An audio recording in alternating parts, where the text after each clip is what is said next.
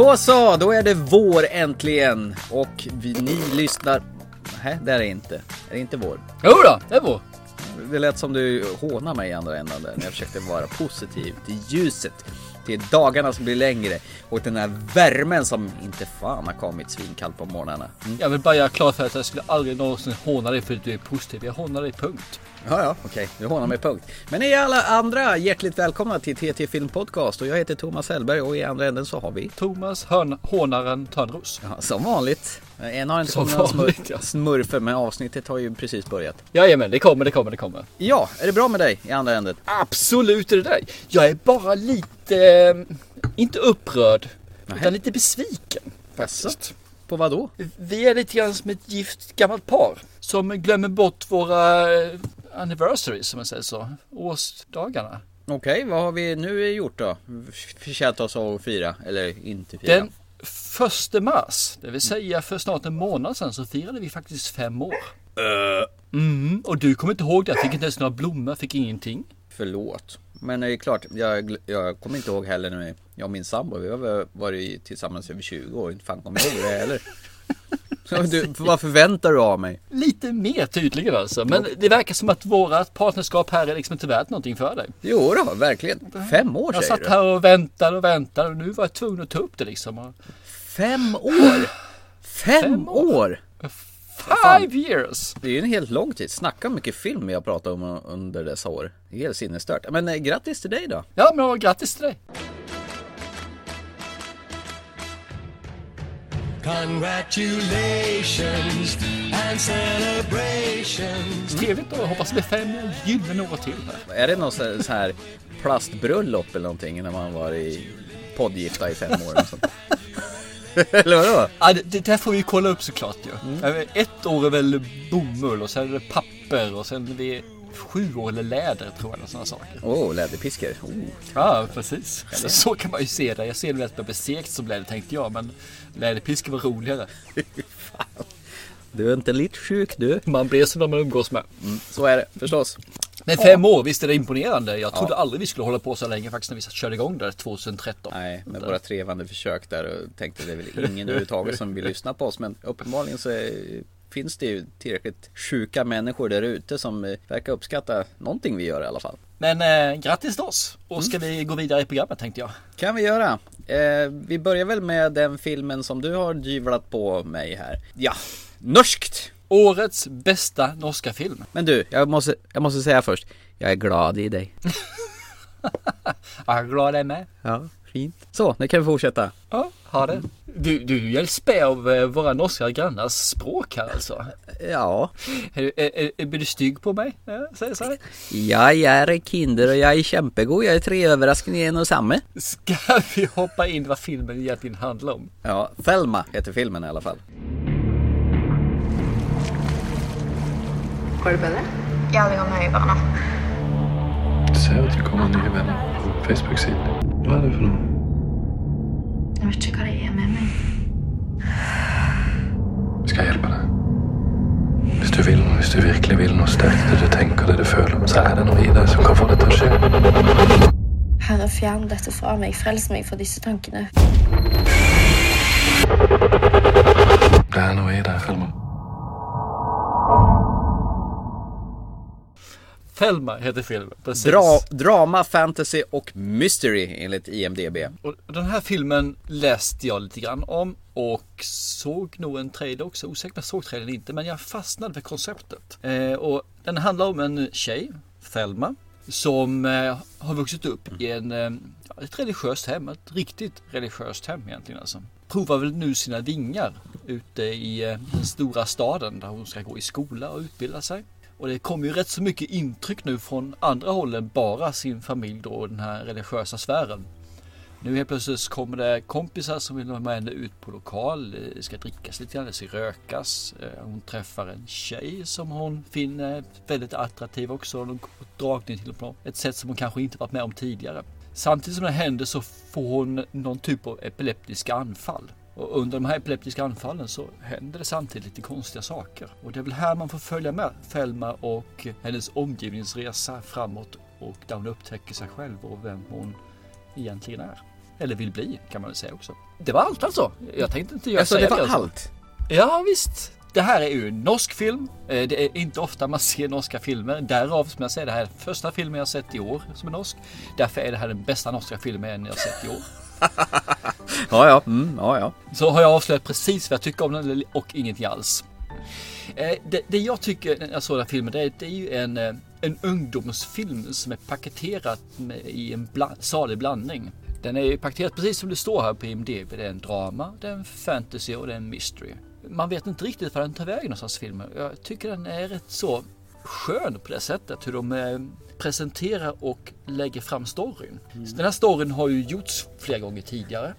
Alltså jag har inte sett den någon gång i en skandinavisk film faktiskt. Det mera kanske som eh, Carrie eller någonting. Precis, lite åt Carrie-hållet fast lite lugnare, lite stillsammare, lite mjukare får man väl säga egentligen. Det, det är ju väldigt sparsamt med själva hennes bakgrund. Du, du får ju hänga med henne i skolan när hon möter sina kompisar. Eh, Eller hon kompisar, hon är ju rätt ensam egentligen. Det, hon är, upplever sig själv samtidigt att vara lite bättre än alla andra och alla andra är egentligen korkade idioter i hennes ögon. Ja, inte riktigt så hårt men eh, ja, ja, visst finns de tankarna där att hon är lite bättre och lite snyggare än de andra. Ja, och har ett väldigt konstigt förhållande till sin mamma och pappa. Speciellt sin pappa tycker jag. Eh, Jag skulle nog säga speciellt till mamma och pappa för mamman är ju inte riktigt helt hundra heller i sitt be- beteende. Hon ringer väldigt ofta till sina föräldrar och de är oroliga vad hon gör och om hon träffar vänner. Jag får ju det här lite Jehovas vittnesstuket. Att man,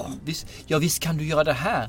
Men tycker du att det är det rätta? Och det är ditt val om det är det rätta. Men och man, hela tiden så lindar man in där så man leder henne i en riktning som man själv finner, finner är den bästa för henne. Och det, det är lite creepy tycker jag, sättet som det sker på. Och det värsta är att det är väl creepy för att det sker i verkligheten där. Det är liksom ingenting som är fiction utan det här händer idag. Många unga kvinnor och pojkar för den delen. Eh, Ja, det känns som eh, hennes föräldrar är våldsamt kontrollerande och vill ha råkoll på henne. Och det får man lite förklaringar sen senare i filmen också. Eh, och jag tycker Exakt. det är en sån jäkla skön början på filmen som gjorde att jag fastnade där. Bara, wow, vad händer nu för någonting? Och det är ju när de går ut över isen.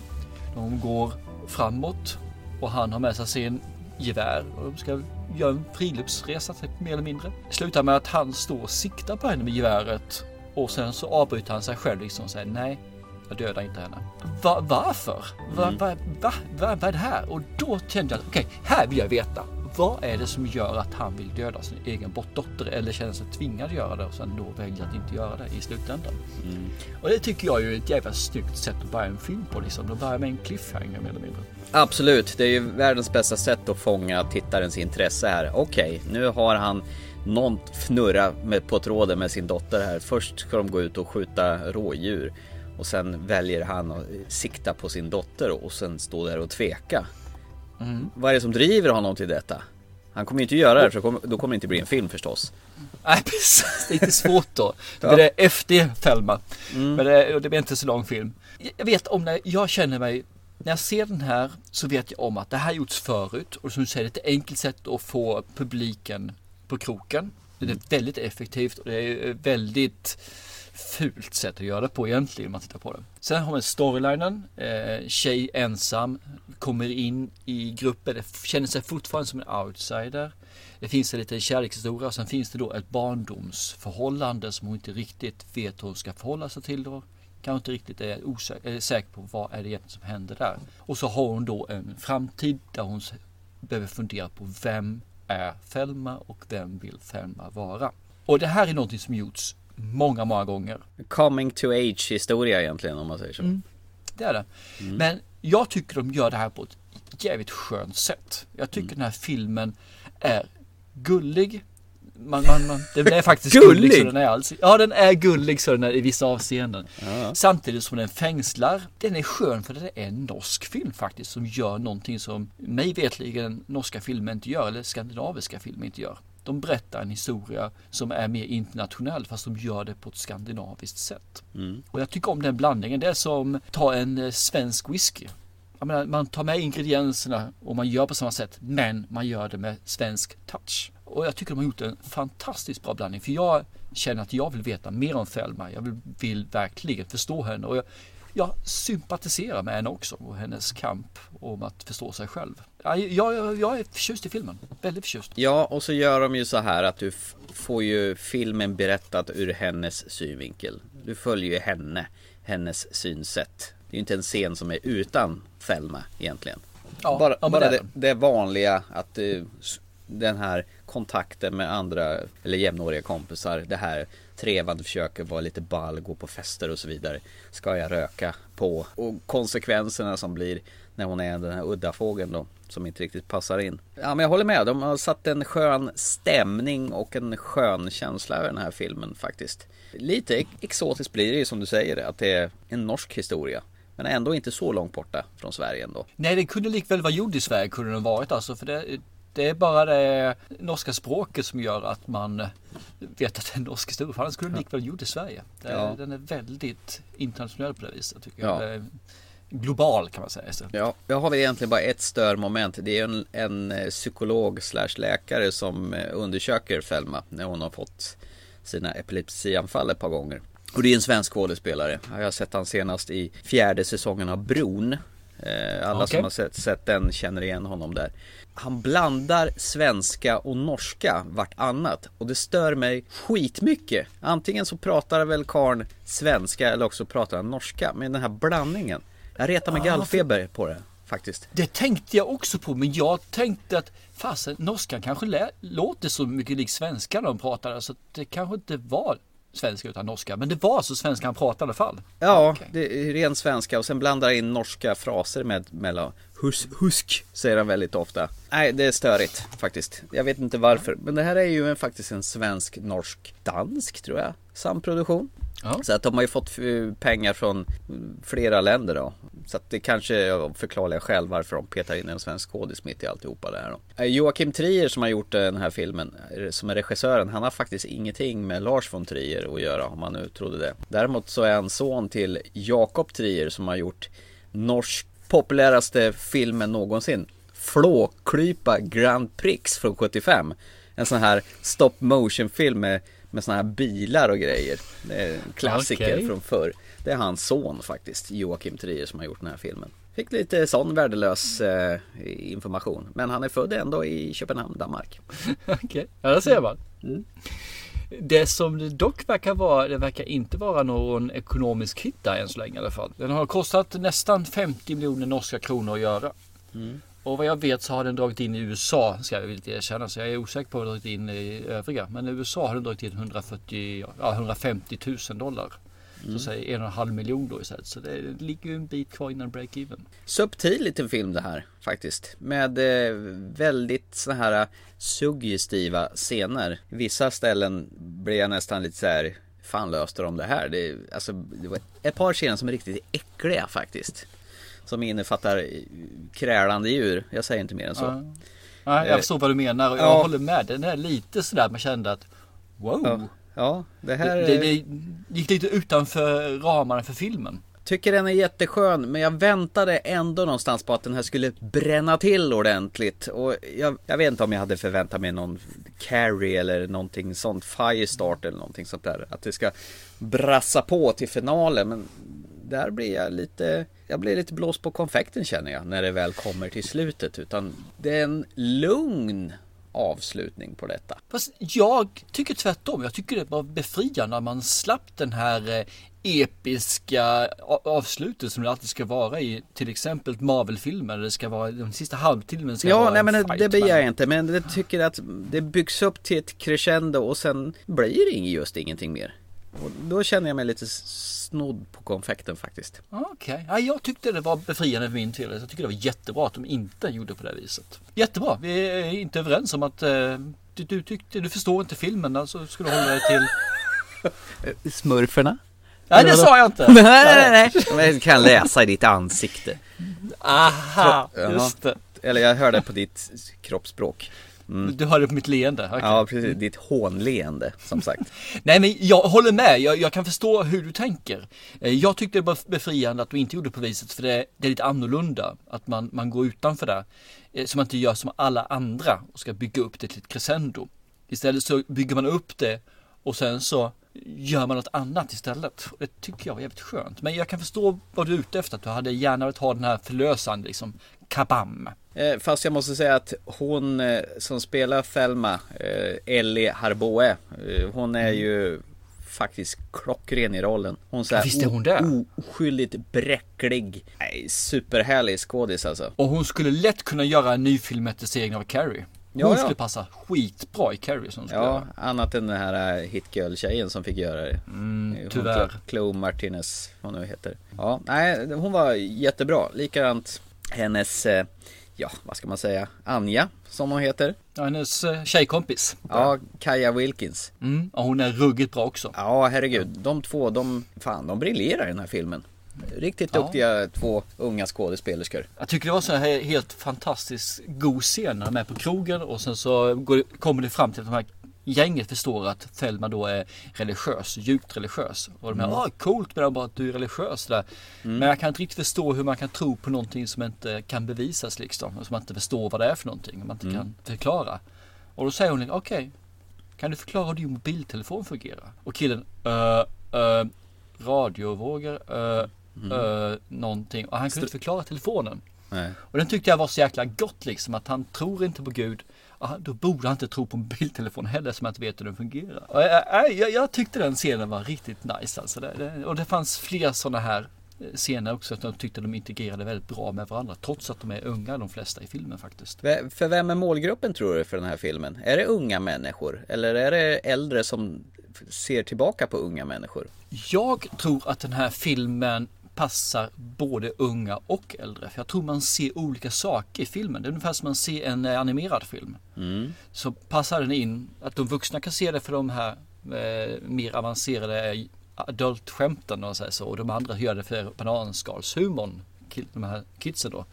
Här är det samma sak. Om man har då tonåringar kan nog se den här som en tonårsfilm. Plus att det finns lite häftiga effekter i den. Medan vi äldre ser den nog för att, för mer för dramadelen och karaktärerna. Samtidigt för effekterna. Däremot den här delen med eh, tonårsdelen, den kanske inte tilltalar, eller tilltalar, kanske inte ger mig lika mycket som det gör kanske för en 13-16-åring. Men jag tror att den passar tjejer, jag tror den passar killar, jag tror den passar i stort sett alla åldrar. Den passar dock inte min tjej. Hon tyckte det här var, ska vi vara diplomatiska och säga att inte så bra. Om du inte ska vara diplomatisk då? Det här var skit. Okej. Nej, det var faktiskt inte skit. Jag tyckte den var underhållande, den var intressant, den var suggestiv, den var lågmäld.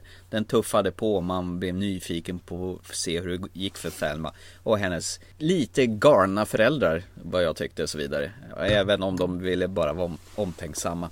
Man fick ju historien uppvevad lite allt eftersom och sånt är alltid trevligt. Att du vet ingenting från början och det blir som en- eh, lucköppning eller paketöppning du får mer ju ju filmen går. Men som sagt, slutet eh, hade jag lite mer att önska. Jag hade velat ha något riktigt maffigt, ordentligt där. Trots att jag inte gillar Marvel-filmer och dess äckliga halvtimmes slut där det bara slåss. Men jag tror att du egentligen innerst inne är en riktig så här Marvel-fanatiker som verkligen eh, tycker det, det är lite eh, Lite specialeffekters erotik för dig. Nej, aldrig i livet. Ja, jag tror att du bara, du är liksom sån här eh, smyg-Marvel-älskare som inte riktigt vågar komma ut från garderoben här. Du menar den som förnekar det mest, den är den största älskaren av alla? Jajamän.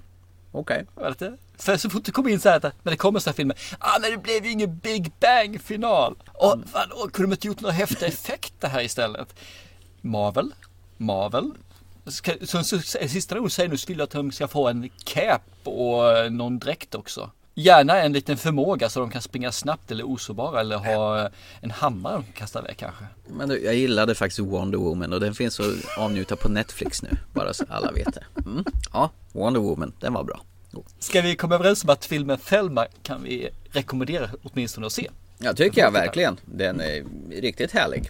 Och ser den en mörk kväll och släck alla lampor så är den fan lite creepy. Tycker Ja, jag. och se det med någon nära och kära så tror jag det blir ännu bättre som sagt. Så att, Men jag tycker det här, jag tycker det är jättebra för det här börjar, det känns som att de svenska filmerna, de skandinaviska filmerna har börjat gå utanför sina, sin stereotyp. Man har sökt nya vägar, vi får, in, får helt nya regissörer som testar på lite nytt och vågar bli lite mer internationella.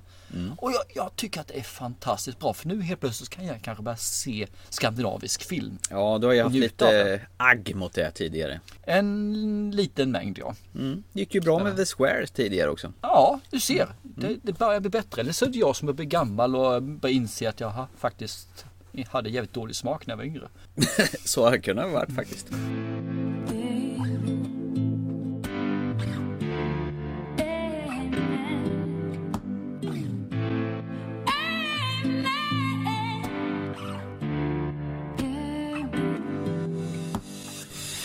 Hörru du, apropå dålig smak, ska vi gå vidare till nästa eh, punkt i programmet? Det där får du nog förklara för mig, apropå dålig smak. Nej, Det beror ju på eh, smak och tycke. Eh, Jag tänkte, vi var ju på bio häromdagen och såg den efterlängtade ny-rebooten, filmatiseringen Angelina Jolie, munsåret herpets eh, efterträdare när Alicia Vikander tränade skiten av sig i ett halvår för att klä sig rollen som Lara Croft i Tomb Raider. I found a tomb called the Mother of Death. If it falls into the wrong hands, then it could be catastrophic. It'll be an adventure. Death is not an adventure.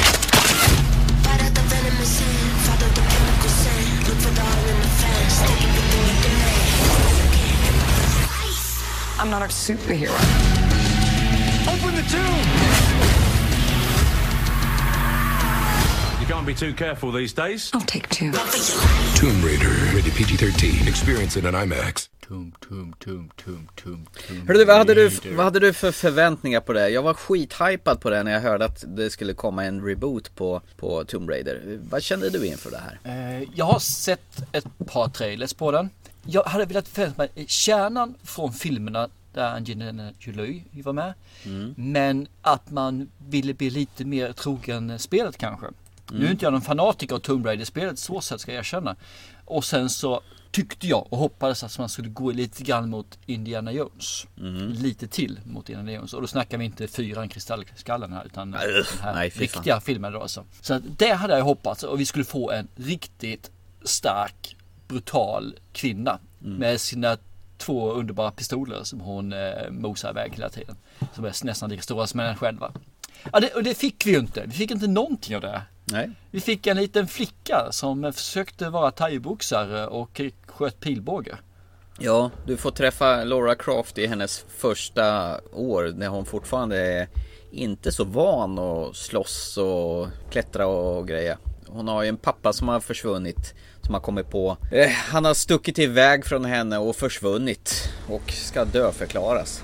Och sen på någon anledning så leder spåren bort till en ö någonstans mitt ute i havet. Där hon känner att dit måste jag kolla och se om, han överhuvudtaget finns kvar. Om inte annat så slutföra hans arbete. Och naturligtvis så är det ju högre makter som motarbetar henne och han, hon åker iväg med en sidekick där för att hitta den här faran som lurar på ön då. Det är alltså världens mest basic handling. Och det är väl egentligen inte det som är grejen med den här filmen. Jag hade förväntat mig någon så här, precis som du säger, måtte det gå lite åt Indiana Jones hållet med mycket med, med grottor och fällor och som måste ta sig förbi. Men det var inte så mycket sånt heller. Det vi fick se var egentligen en teaser till film nummer två. Ja, visst är det så. Är inte det rätt tråkigt? Kan man inte bara kasta sig in i en ordentlig handling från början utan det måste vara en sån här berätta hur personen formas till den Laura Croft som spelen Och- bygger på. Och det tycker jag är helt okej. att man gör på det här viset. Om det är en tv-serie. Då kan vi göra piloten. Det här är piloten. Perfekt. Då får vi lära känna rollen och sen så flyttar vi oss till där vi ska vara. Men jag betalar alltså då 130 spänn för en biobiljett. För att se teasern till nästa film. Nej, du betalar det- 160 spänn för du valde VIP-sätena. Ja, ja, ja, ja. 160 spänn då. Men normal människa betalar 130 ish. Normal människa, okej. Och sen får man då se en trailer. Ja. Ja, En, en två timmars trailer men fortfarande en trailer. Till en film som inte ens är annonserad att den ska komma mig vetligen. Och jag blev faktiskt lite sur. Jag säger inte att filmen är dålig sådant, men den är inte bra om du förstår vad jag menar. För den, den suger inte. Den eh, målgruppen finns där. Min lilla son 13 år tyckte ju den här var bra. Han tyckte det var fina twister i den. Det fanns lite twister så gjorde faktiskt någon i alla fall där. Och hon spelar inte dåligt, men hon är en bättre karaktärsskådespelare än vad hon gör som Tomb Raider. Tyvärr. Ja, hon är, hon är bättre än det här. Det är vad hon är. Hon är mycket bättre. Hon är bättre skådespelare än vad den här rollen tillät, tillåter henne att vara. Själva manuset är ju papperstunt. Okej, det kanske inte ska vara mer papperstunt i de här typerna av filmerna. Men jag hade förväntat mig åtminstone två blad istället för ett blad. Kanske skriver på båda sidor åtminstone. Men det här var liksom bara på ena halvan av första sidan. Och jag, jag, jag satt faktiskt och försökte flera gånger intala mig att när jag, när jag såg filmen att det här är inte så kast. Det är ju rätt okej. Det här faktiskt, det där var ju rätt bra. Men när jag under en film försöker intala mig själv att det är bra, då är det inte bra. För då ser jag ju inte, då är jag inte inne i filmen. Vem lurar du egentligen? Ja, jag försökte lura mig själv för jag betalade då 160 spänn för VIP-biljetterna. Så att man vill ha just någonting för det här. Men som sagt var, eh, ge det här ett tag. Kanske en omtittning hemma i soffan med mina eh, söner eller min tjej eller vad som helst liksom. Och se den för vad den är och då kanske den blir bättre. Men idag är den knappt godkänd för jag tyckte det här var inte vad jag ville ha från Tomb Raider. Det som kändes lite tragiskt också att i vissa sekvenser när Laura Croft eller Alicia Vikander hoppar och skuttar så ser man att hon är dataanimerad och det är ju hemskt i en film från 2018 att man ska se det. Alltså det är som att sitta och titta på när man sitter och spelar Uncharted. Eh, det är ett av mina favoritspel till PS4. Eh, Nathan Drake. Och han stönar och hoppar och klättrar och skriker när han nästan ramlar ner. Och det är typ de här sekvenserna. Oj, nu hänger jag i ett flygplan som håller på att krascha ner. Oj, nu tappar jag greppet. Oj, nu, nu håller det på att rasa ner. Nu klättrar jag uppåt. Nu rasar det. det är just de där sekvenserna har de bara kopierat rakt över. Det kanske de gör i Tomb Raider-spelen också. Jag har inte spelat det så mycket. Det är ju som att sitta och glo på ett tv-spel. Visst, det är baserat på ett tv-spel, men det är ju inte det jag vill sitta och glo på på en stor bioduk. Nej, för det är ju det man vill att det ska transformeras från spelet till filmmediet. Ja, Och då måste man göra det på ett nytt sätt. Ja, och när det blir så där jäkla övertydligt. Jag har nog inte varit så här dåligt sen när jag såg Pierce Brosnan datanimerad i Die Another Day när han surfar på isvågorna. Det är lite åt samma håll och det är fan tragiskt. Men när du nämnde dåliga effekter, kommer du ihåg det finns en sån här scen, en fallscen när en person faller. Eh, och jag vet att man gjorde bättre fallscener på 70-talet än man gjorde den här gången. För det här, och det här är kass, det är riktigt, riktigt, riktigt. Och så kan jag säga tre gånger till kass. Ja, då är det väl bättre att ha personen falla mot en green screen eller någonting än att göra någonting Det så här, att ja. Mm. det ser CGI-aktigt ut. Det är ju hemskt. Det ska liksom inte förekomma 2018. Det är, det är vedervärdigt faktiskt. Men Ja. Alicia Vikander, hon gör sitt jobb. Hon gör det bästa hon kan med den här rollen och, och tunna manuset och så vidare. Så att man, ingen skugga faller på henne kan jag ju säga. Nej, absolut inte. Hon är duktig, hon är bra, hon har- förutsättningar att gå långt tror jag. Eh, hon behöver bara bli lite mer picky när det gäller vilka roller hon tar. För nu har hon tagit för brett, tycker jag. Hon ska hålla sig till eh, där hon får spela ut och göra hela sitt register. En norrman som har regisserat den här filmen också. Han heter Roar Uthaug. Och han har närmast gjort eh, en, norsk skräckfilm som heter Fritt vilt. Bland annat. Det går ju bra för de här äh, skandinaviska regissörerna, det måste jag ju säga. Men eh, det här var ju inte så bra regisserat, tycker jag. Alltså, skurkarna är ju så jäkla klyschiga. Och den här eh, huvudskurken som, eh, som mer liknar han i Walking Dead, eh, Rick, med, med sitt flottiga Walton hår. Goggins menar du? Snacka om vilken död blick den karln har och han står och gapar och bara stirrar. Men själva blicken tycker jag den är helt okej för han är ju död själsligen. Så jag, där tycker jag att han är helt okej. Han är lite psykopat, han är lite smågalen, han har varit på en ö i åtta år typ. Utan träffa något vettigt folk. Så visst, jag köper det. Men just det här som du säger, gapande munnen, ja den är jobbig. Ja, det är han och Steven Seagal. De har väl ungefär lika bra karaktärsdrag. Men han är ju rätt bra ifrån sig tycker jag i Hateful Eight. Ja, det må vara hänt. Men det här var ju bottennapp av större mått. Men däremot så tycker jag det är trevligt att se med Kir- Kirsten Scott Thomas. Henne har man inte sett på bra länge. Tänker på Engelska patienten bland annat och lite andra filmer så här fina dramafilmer hon har varit med i. Och jag kände igen henne där ett slag men sen när jag såg hennes namn i eftertexterna Yes, det är hon som spelar Mm. Anna Miller som är någon slags Guardian till Laura Croft. Ja, för hon har varit med i Guldkompassen också för mig. Ja, det kan nog stämma. Det är en sån där brittisk skådespelerska som man har sett lite varstans faktiskt. En solid skådis som gör allt det hon ska göra. Sen så är jag ju sugen på att se en film till som hon är med i och det är The Darkest Hour. Så när den börjar släppas så kommer jag ju att se på den. För den tror jag Ja. kan vara hur bra som helst. Ja, ja, är det den om Churchill eller? Precis, stämmer. Just det, Gary Oldman tog hem en Oscars faktiskt för bästa manliga huvudroll. Så den ska bli ruggigt kul att se. Jag har inte sett den på bio. Vill den nog inte se den på bio heller kände jag. Nej. Fick få bli en liten Blu-ray eller DVD. Ja. Nej men ska vi lämna Alicia Vikander och säga och lycka till om det blir en uppföljare på den här rebootade franchisen. Men eh, det här var inte speciellt bra. Jag tycker det låter bra det. It's been a very physical adventure. I love her passion for adventure. She gets hit, but she stands up again. This film is to have the big sets and the mystical doors being opened. I've always wanted to try all these physical action beats, and I feel like I have the strength to do it. Ska vi bli lite obekväma nu då och gå vidare till en dokumentär? Det tycker jag absolut. Var länge sedan vi pratade om en dokumentär faktiskt. Var det Searching for Sugarman tror du? Den eller, jag inte om det var körde Blackfish. Kör vi den efter eller före? Ja, ja, just det, den här med späckhuggarna. ja. Nej, den har vi Mm. gjort efter. Alltså det är väl egentligen, det här är väl egentligen tredje dokumentären vi pratar någonsin på fem år. Vi får skärpa oss. Ja, det är inte dåligt sådär alltså. Sen får man ju säga att när vi eh, pratade om eh, folkmordet i Rwanda så var det nästan en dokumentär, kan man väl säga, men ändå en spelfilm. Men det här är en ren dokumentär som är gjord och producerad av eh, vicepresidenten, för detta vicepresidenten Al Gore. Och den heter en obekväm uppföljare, eller på engelska en inconvenient sequel, Truth to Power. The United States will withdraw from the Paris Climate Accord. The next generation would be justified in asking, What were you thinking? It is right to save humanity. It is wrong to pollute this earth. It is right to give hope to the future generation because no lie can live forever. An inconvenient sequel, Truth to Power. Yes, du har väl sett den här senast? Eh, typ för ett par timmar sedan, så att... Eh, Ja, jag svalde ner den relativt snart, eh, rätt nyligen som sagt var jag. ja, klimatförändringar. Man kan ju aldrig sticka undan med att filmens budskap är ju värd varenda minut. Vi ligger liksom i ett läge där man måste ta det här på allvar. Alla måste ta det här på allvar.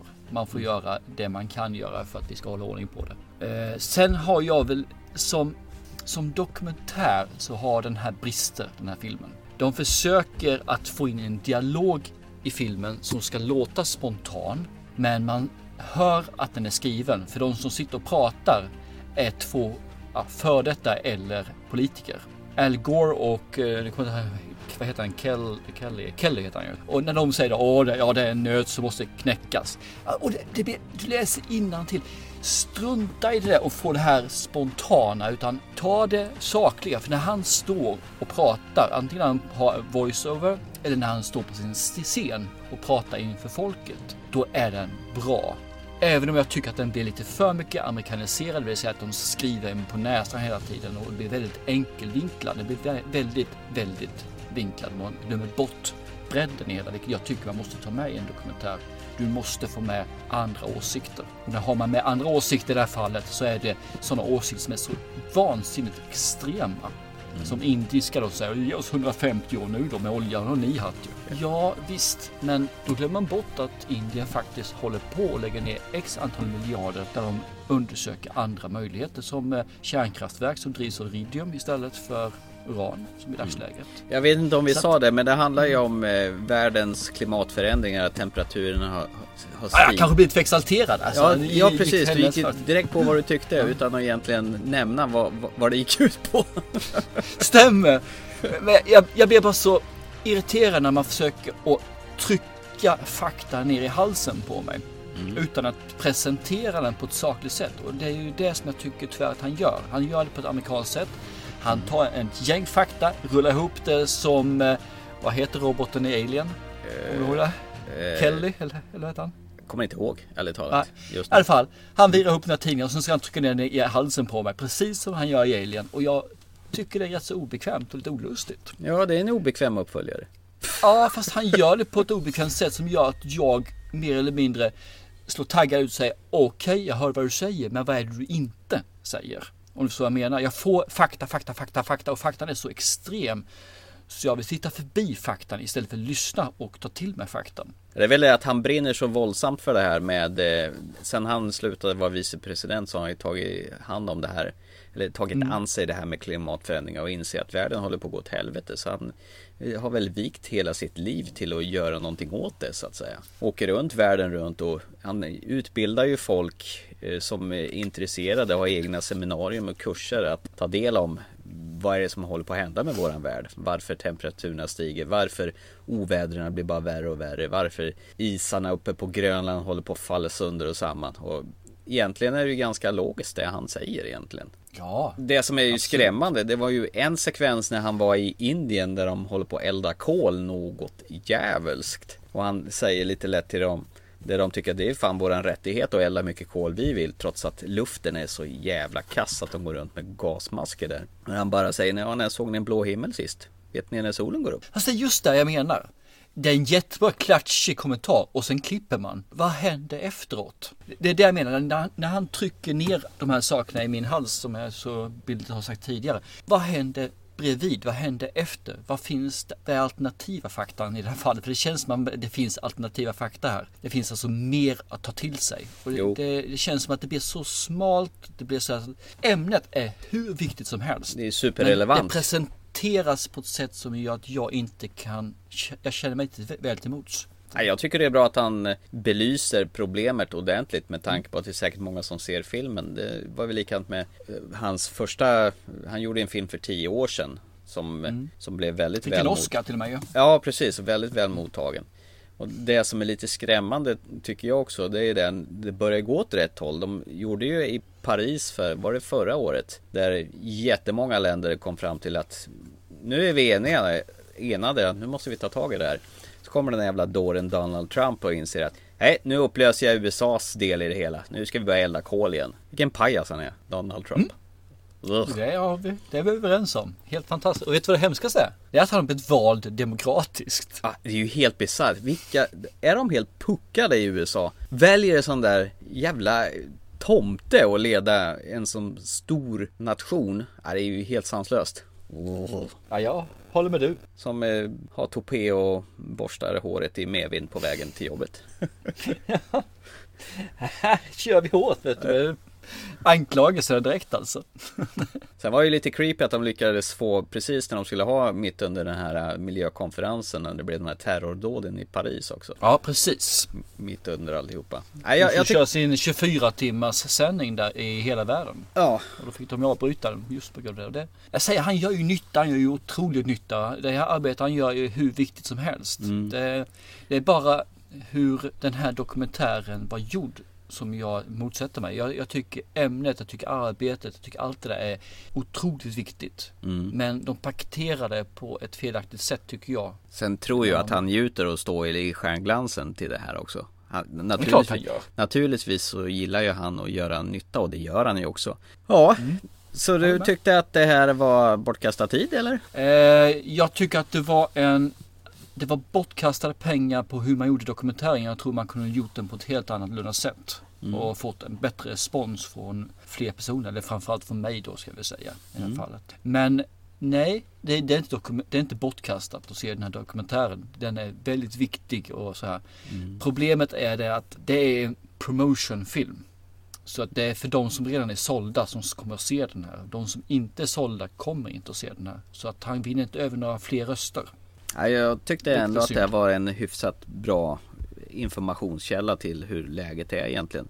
Min sambo satt och tittade på det här också. Hon var så jävla förbannad så hon tog sönder sina naglar innan filmen var slut.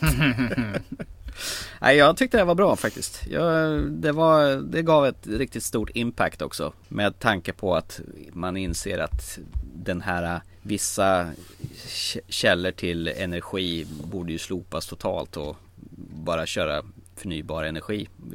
Den, det var ju som någon sa, rent logiskt.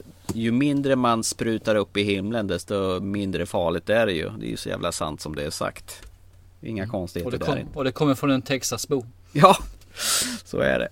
Ja, ja, så är det. Ska vi säga tack och hej till Al Gore då och gå in till kvällens sista ämne då?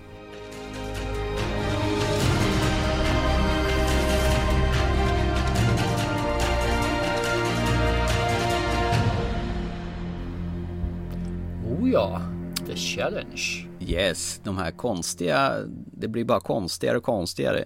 Jag gav ju dig en film från 1995 då som du trodde att du hade sett eh, med Rel, Rel, Ralph Fiennes eller vad man, nu, vad man nu kallar honom. Mr eh, Karn från The Grand Budapest Hotel i en tidig roll och Angela Bassett. Eh, Strange Days från 1995. Have you ever jacked in? Have you ever wire tripped? This is not like TV, only better. This is life. It's a piece of somebody's life. It's about the stuff that you can't have, right? The forbidden fruit. Straight from the cerebral cortex. I mean, you're there, you're doing it, you're feeling it. Are you beginning to see the possibilities here?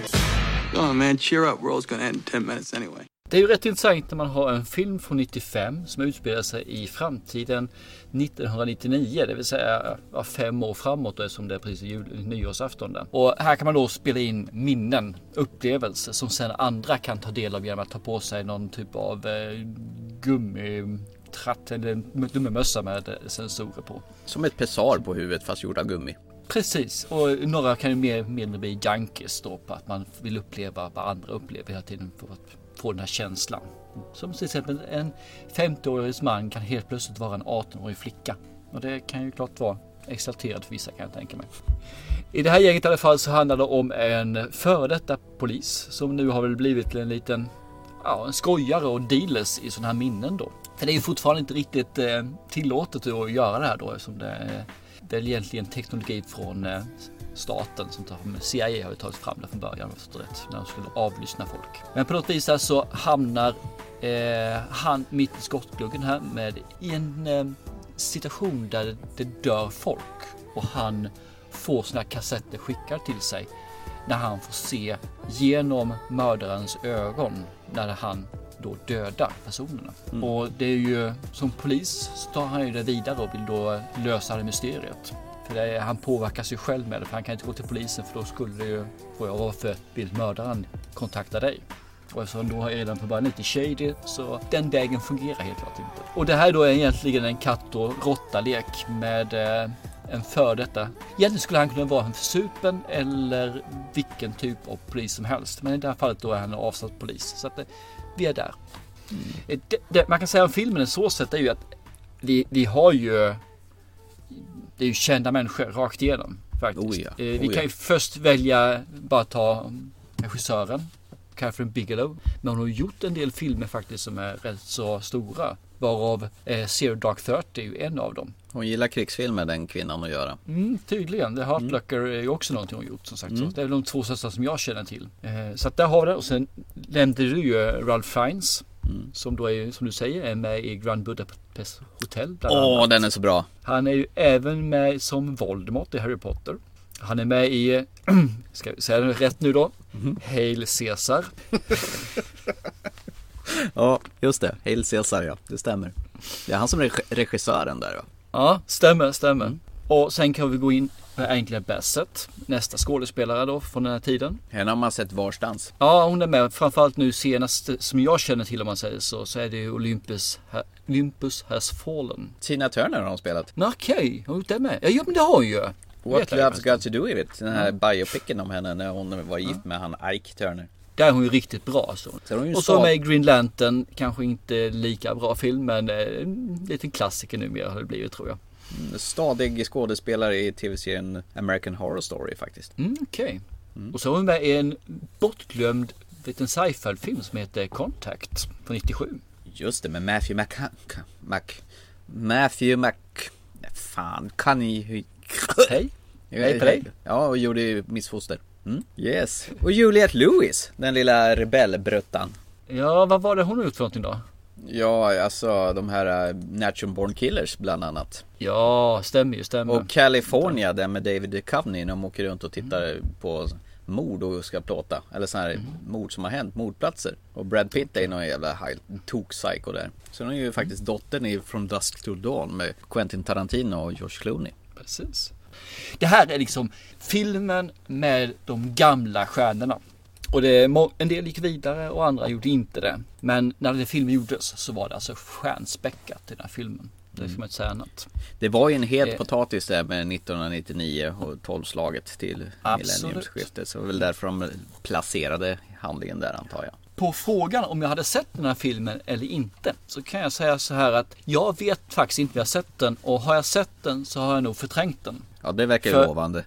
För den här filmen funkar inte. Den är för B. B-filmer brukar gå hem hos mig men den här gången funkar det inte. Den tar sig för mycket på allvar alltså. Ja, men- Det här var någonting jag fick lida mig igenom och den är alltså två och en halv timme lång. Du gnällde min förbaskade Nobody. Ja. Det var åtminstone bra. Ja, det här är ju Det jättebra här ju. är... Nej, det är ju inte det. Det här är ju helt... Nej usch, jag led. Den- var som bäst. Uh, uh. Och som sämst. No, no. Nej, men, nej, usch, det här går inte upp på skalan någonstans alltså hos mig. Utan jag... jag den, den, den, den, hade det, den hade allt för att kunna bli en bra film alltså. Nej fy fasen vad jag blir trött på den. Du tar fram stora motorsågen här nu låter det som. Ja du, ja, det här minneskortet vill jag stampa under foten och krossa på den för den här är inte bra. Alltså. Tycker du inte att det är en rätt frän idé liksom att man kan uppleva andras minnen och Jo, känna allt? absolut, jag säger Ja. det. Den har allt som krävs för att den skulle bli en bra film. Men den är inte det. Vad sprack det då? Vad, vad, är, vad är problemet med filmen? Den tar sig själv på stort allvar. Själva, ja, okej den är 95 så ska vi kanske vara lite mer lössläppt när det gäller saker, hur man har gjort ma- manus och sådana saker. Men det är ju så jävla löjlig dialog. Det är så löjliga hur folk agerar. och hur han beter sig och varför han är som han är och varför han hamnade där han gjorde. Och varför folk egentligen umgås med honom. Varför vill någon överhuvudtaget vara vän med den här jävla idioten till före detta polis? Det är James Cameron som har skrivit det här manuset. Jag hade ju skjutit honom det första jag hade fått chansen och sen så hade jag tagit det 14 års fängelse med ett leende på läpparna. Bara jag vet att ingen annan blir störd av honom. Terminator 2, Aliens 2, James Cameron. Duh. Ja, I don't give a damn. Honey, frankly, I don't give a damn. Du, jag törs ju knappt säga men det här är ju faktiskt en av mina favoritfilmer. Det var därför jag fick den. Thomas, jag är orolig för dig. Ja. Ärligt talat så är jag väldigt orolig för dig och din filmsmak alltså. Den här är ju smaskens ju. Jag, sett, jag, jag såg den på bio i min ungdom och sen köpte jag den på DVD. Eh, Jag, jag kan tänka mig så här att är du en nostalgiker av 90-talets Ja, det är jag ju. Mm. Och du har sett den här filmen under 90-talet. Mm. Då kan du helt klart se om den här filmen och du kommer att ha ett nostalgiskt leende på läpparna. Jag tycker den var jättebra. Men däremot skulle du presentera det här för någon som inte har sett den innan. Vare sig du är yngre eller äldre, man säger så 40-50 års åldern. Så kan jag tänka mig att nej, nej, nej. Bara Jo. om du vill någon väldigt, väldigt illa så visar du upp den här filmen Men jag vill inte dig illa. Jag vill att du skulle få en skön stund i, hemma i Jag mörkret. Börjar ju ana liksom vad, dina, hur, vad du tycker om mig i det här fallet alltså. Du försöker med alla möjliga skäl bara för att hitta de här hemska filmerna. Nej, han tyckte om den också. Fan då, men den här då? Nej, det är ju också hem ju. Attans, nu måste vi gå på det tunga artilleriet. Ah, Strange Days. Mm. Jag, kan, jag kan ju ta fram One Man and His Pig om det är så. Svartvit från Brasilien på 70-talet. Säkerligen bättre. Mm, nej, det vet fan. Nej, oj då. Ja, ibland så klampar man ju i traveret ordentligt. Det var ju hemskt tråkigt med tanke på att den här är ju en så här riktig filmbebis i min eh, samling faktiskt. Ja, där ser man att smaken är ju så baken. Mhm, mhm, Okej.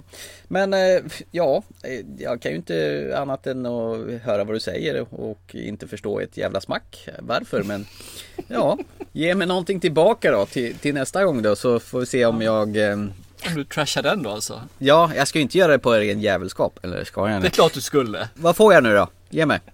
Ja, eftersom Jag, du jag, ger jag mig en kan, sån här... jag tål det, jag tål det. Mm, mm, Ge mig. Eftersom du ger mig en sån här smal film som du verkligen tycker om. Smal Så film, ska du få en smal film tillbaka här. Det är en low budget film, mer eller mindre enkammar, eh, enkammarspel om man säger så. Sängkammarspel. Ja, fast de, är- de är på samma ställe mer eller mindre, fast inte samma tid. Men vi har haft Gerald's Game redan. Ja, ungefär den tänkte jag säga. Nej, inte alls. Mm. Det här är en film som heter Frequently Asked Questions About Time Travel. Eh, ja, vänta nu. Frequently asked questions about time travel. Historiens längsta titel på Jag skulle ju säga det, jävla vilken lång titel det var på den du. Det är ungefär jag ska gå på bio. Hej, jag skulle vilja se filmen Frequently Asked Questions About... Ja men skynda på lite grann, det är faktiskt fler än andra som står i biokön nu. Ja men den heter ju så! Kan inte rå för det? Ja. En, en gång till, säg det. Fr- f- kan man inte säga kort? F, A, Q, äh. Nej fan jag tappar bort mig där också. Klarar inte av det heller. FAQ gjorde ju bra, men... Fuck! Eh, och vet Fuck du vad? Ja. Jag ska inte berätta ett enda mer om den här filmen. Nej, nej, det handlar om eh, tidsresor i alla fall och det, det kan ju vara ball kan jag tycka. Ja, då har du gissat rätt faktiskt. Jag tycker om tidsresefilmer för att det finns oftast så mycket lucka i dem som man kan hitta och det, det är skönt och lite underhållande. Men du gillar ju inte logiska luckor, det vet jag ju. Nej, Nej, men ibland så får man väl vara lite annorlunda. som, som att hata Strange Days. Det är annorlunda. Egentligen tycker jag den här filmen är skitdålig. Den här alltså Freak Last Question. Men vad fan. Eftersom du Jag- ger mig en sån här film ska du få det sämsta jag någonsin har varit med om. Ah. Det här är bara, Men, nu jävlar, nu är kriget igång liksom. Nu, nu ska du, nu, nu, nu, nu, nu, nu, nu ska du få bara. Nu, Men nu, nu, nu är men- det. Strange Days har 7,2 på IMDB och ligger på topp 200. Vad sa du nu då? Är det deras mamma som har sagt det eller? Nej, det står så. Och den eh, populariteten håller bara på stiger. Plats 68. Nej, jag, jag säger bara som jag gjorde när jag gick i lumpen. Fan, det är bara jag som håller takten när jag marscherar här alltså. Ja, nej men eh, absolut. Jag ska se den här eh, Frequently eh, filmen. till, till nästa gång. Nej, Vilken film var det du skulle se sa du? Time travel. Så. Perfekt. Ja. Perfekt. Ja, ja men eh, då är vi klara för idag då. Det här känns ju som att eh, det blev väldigt obekvämt här nu då. ja, ja, men det, eh, den här filmen är mysig, den är jättehärlig. Så att, eh, tycker du inte om den så då, då vet jag att du bara gör det för att spita mig för jag inte tyckte om Strange Days. Nej, nej, okej. Mm. Eh, vi hörs och syns på eh, Facebook, Instagram, Twitter och vi hörs ännu högre på iTunes. Gå in och tryck en recension på oss så blir vi jätteglada. Sprid till era kamrater, vänner och vänners kusiner, rumskompisar, grannar, folk som går ut med hunden eller gamla tanter som behöver lyssna på två sköna killar från Örebro Ljungby. Eh, prenumerera, tryck på iTunes, tryck på Acast, tryck på tusan ni vill. Och vad vill ni framöver vad vi ska prata om? Kom in med lite förslag. Och som avslut vill jag bara säga tack till dig som sa till Thomas att det inte är snällt och elak. Den här gången har han faktiskt inte sagt något elakt till mig överhuvudtaget och det känner jag är uppfriskande och skönt. Jag ska bara vänta vad som händer när, när mikrofonerna sänks av. Mm. Hellberg har alltid sista ordet. Men eh, vi hörs om ett par veckor då. Chip chip. Hej då!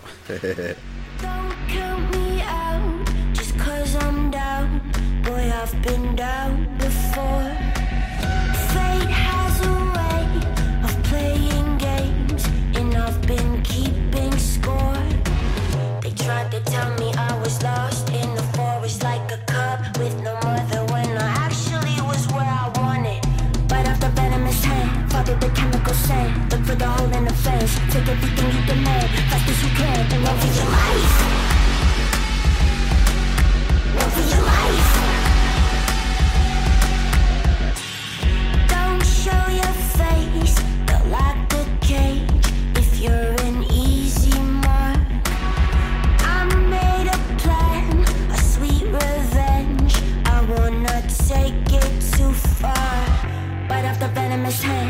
The chemical scent. Look for the hole in the fence. Take everything you demand. Fast as you can. And run for your life.